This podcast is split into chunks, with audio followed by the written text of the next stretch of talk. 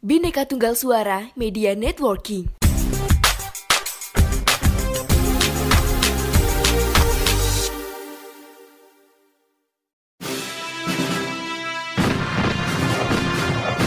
Saya berbicara di sini sebagai penyambung lidah rakyat Indonesia.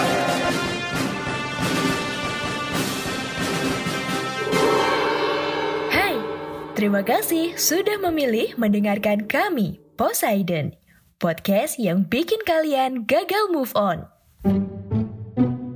Oke, bagian ketiga dari kerajaan Sunda. Kalau yang pertama tadi kita sudah membahas Sunda Galuh, kemudian Prahayan Sunda. Yang ketiga kita membahas Kawali Sunda, ya.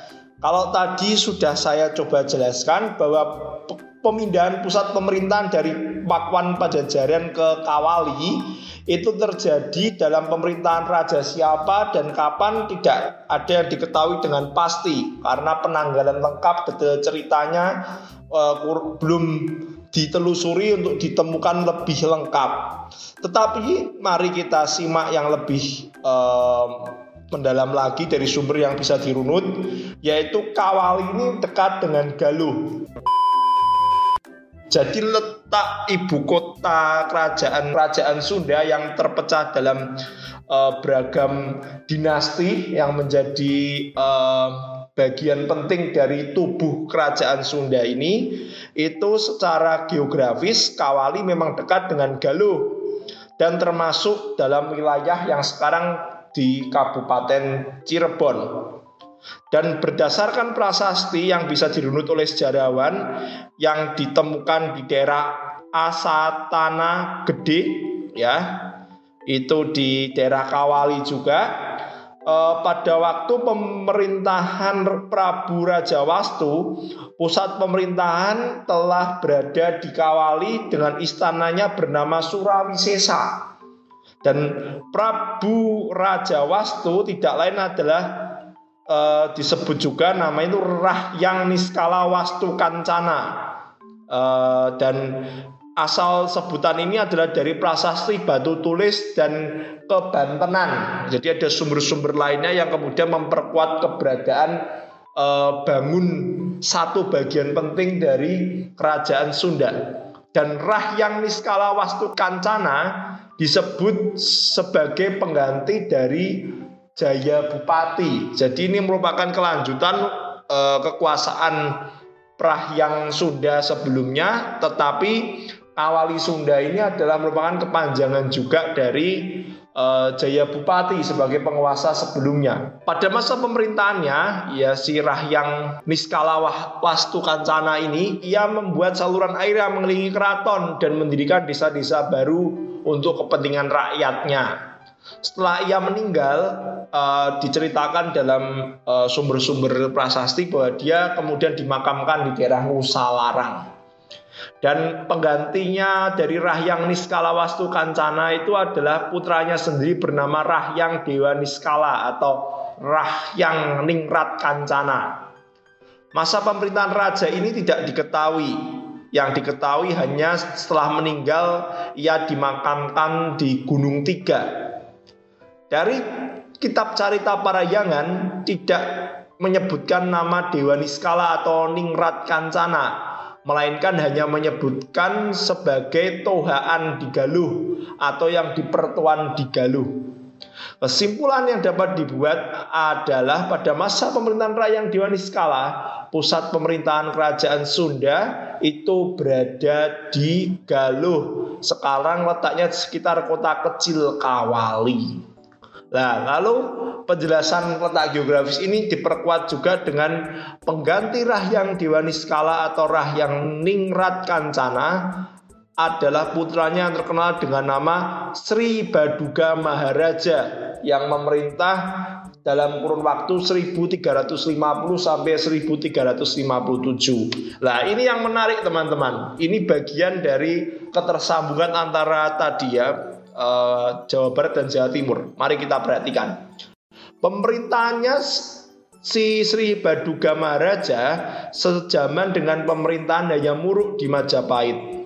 pada zaman pemerintahan Sri Baduga Maharaja terjadilah peristiwa bubat atau yang kemudian dituliskan dalam beberapa kisah yaitu di kitab-kitab tinggalnya Majapahit itu ada uh, bab, uh, kitab bubat ya ada di sini diceritakan pula ya teman-teman peristiwa bubat adalah pertikaian politik antara kerajaan Sunda dengan kerajaan Majapahit Peristiwa Bubat pada mulanya adalah masalah perkawinan antara Hayam Muruk sebagai Raja Majapahit dengan Diah Pitaloka, putri Raja Sunda, anak dari Sri Baduga Maharaja.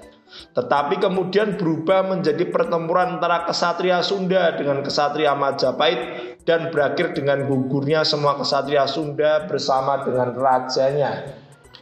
Pertempuran ini jadi di lapangan Bubat uh, prediksinya letaknya tidak jauh dari ibu kota Majapahit, namun masih ditelusur lagi keberadaan secara persis dalam konteks geografisnya. Lalu bagaimana hubungan antara Majapahit dan Sunda sudah peristiwa bubat ini banyak yang tidak diketahui dengan pasti Tetapi tentu saja para ahli ingin melihat bagaimana hubungan ketersambungan konektivitas antara Jawa Barat, Jawa Timur, Majapahit dengan kerajaan Sunda Nah, mari kita bahas lagi Sri Baduga Maharaja. Sri Baduga Maharaja yang tewas ya dalam peristiwa bubat ini digantikan oleh putranya bernama Niskala Wastu Kancana. Raja ini dapat diketahui pada prasasti Kawali, Batu Tulis dan Kebantenan. Meskipun dengan nama yang agak berbeda. Nah, ini perlu juga analisa dan interpretasi yang dalam, teman-teman. Kita simak lagi ya, lebih detail lagi. Uh, oleh karena skala wastu kancana masih terlalu kecil maka pemerintahan dipegang oleh pengasuhnya bernama Yang Buni Sora. Ia bertindak sebagai raja dan pemerintahnya berlangsung selama 14 tahun dari kurun waktu 1357 sampai tahun 1371. Setelah dewasa, Niskala Wastu Kancana menerima kembali kekuasaan pemerintahan negara dan memerintah selama tidak lebih dari para keturunannya itu sekitar satu abad lebih 104 tahun ya dari tahun 1371 sampai dengan tahun 1475 e, nampaknya ini mustahil ya tetapi kemudian e, setidaknya cerita mengenai keberadaan kerajaan Sunda di zaman Kawali Sunda ini itu pemerintahnya berjalan dengan baik agama Hindu itu dipegang dengan kuat dan kesejahteraan rakyat diperhatikan uh, serta tentu saja hukum ditegakkan. Dan dalam cerita Parayangan, uraian tentang Prabu Niskala Wastu Kancana itu sangat panjang dan sangat kita ketahui juga teman-teman kita bisa prediksi juga bahwa penulisnya kitab Carita Parayangan tidak bukan uh, ya kita bisa memprediksi bahwa ini adalah penggemar atau idolanya Prabu Niskala Wastu Kancana karena porsi ceritanya lebih gede dari yang lainnya. Dan Prabu Niskala Wastu Kancana kemudian digantikan oleh putranya bernama Ningrat Kancana atau Tohaan Digaluh yang memerintah hanya tujuh tahun. Oleh karena ia salah tindak, Ningrat Kancana ini ya, dia jatuh cinta pada wanita di luar istana maka harus turun tahta. Ya diceritakan dalam beberapa sumber seperti itu. Ia digantikan oleh putranya bernama Sang Ratu Jaya Dewata ya Sang Ratu Jaya Dewata kemudian memindahkan ibu kota kembali lagi.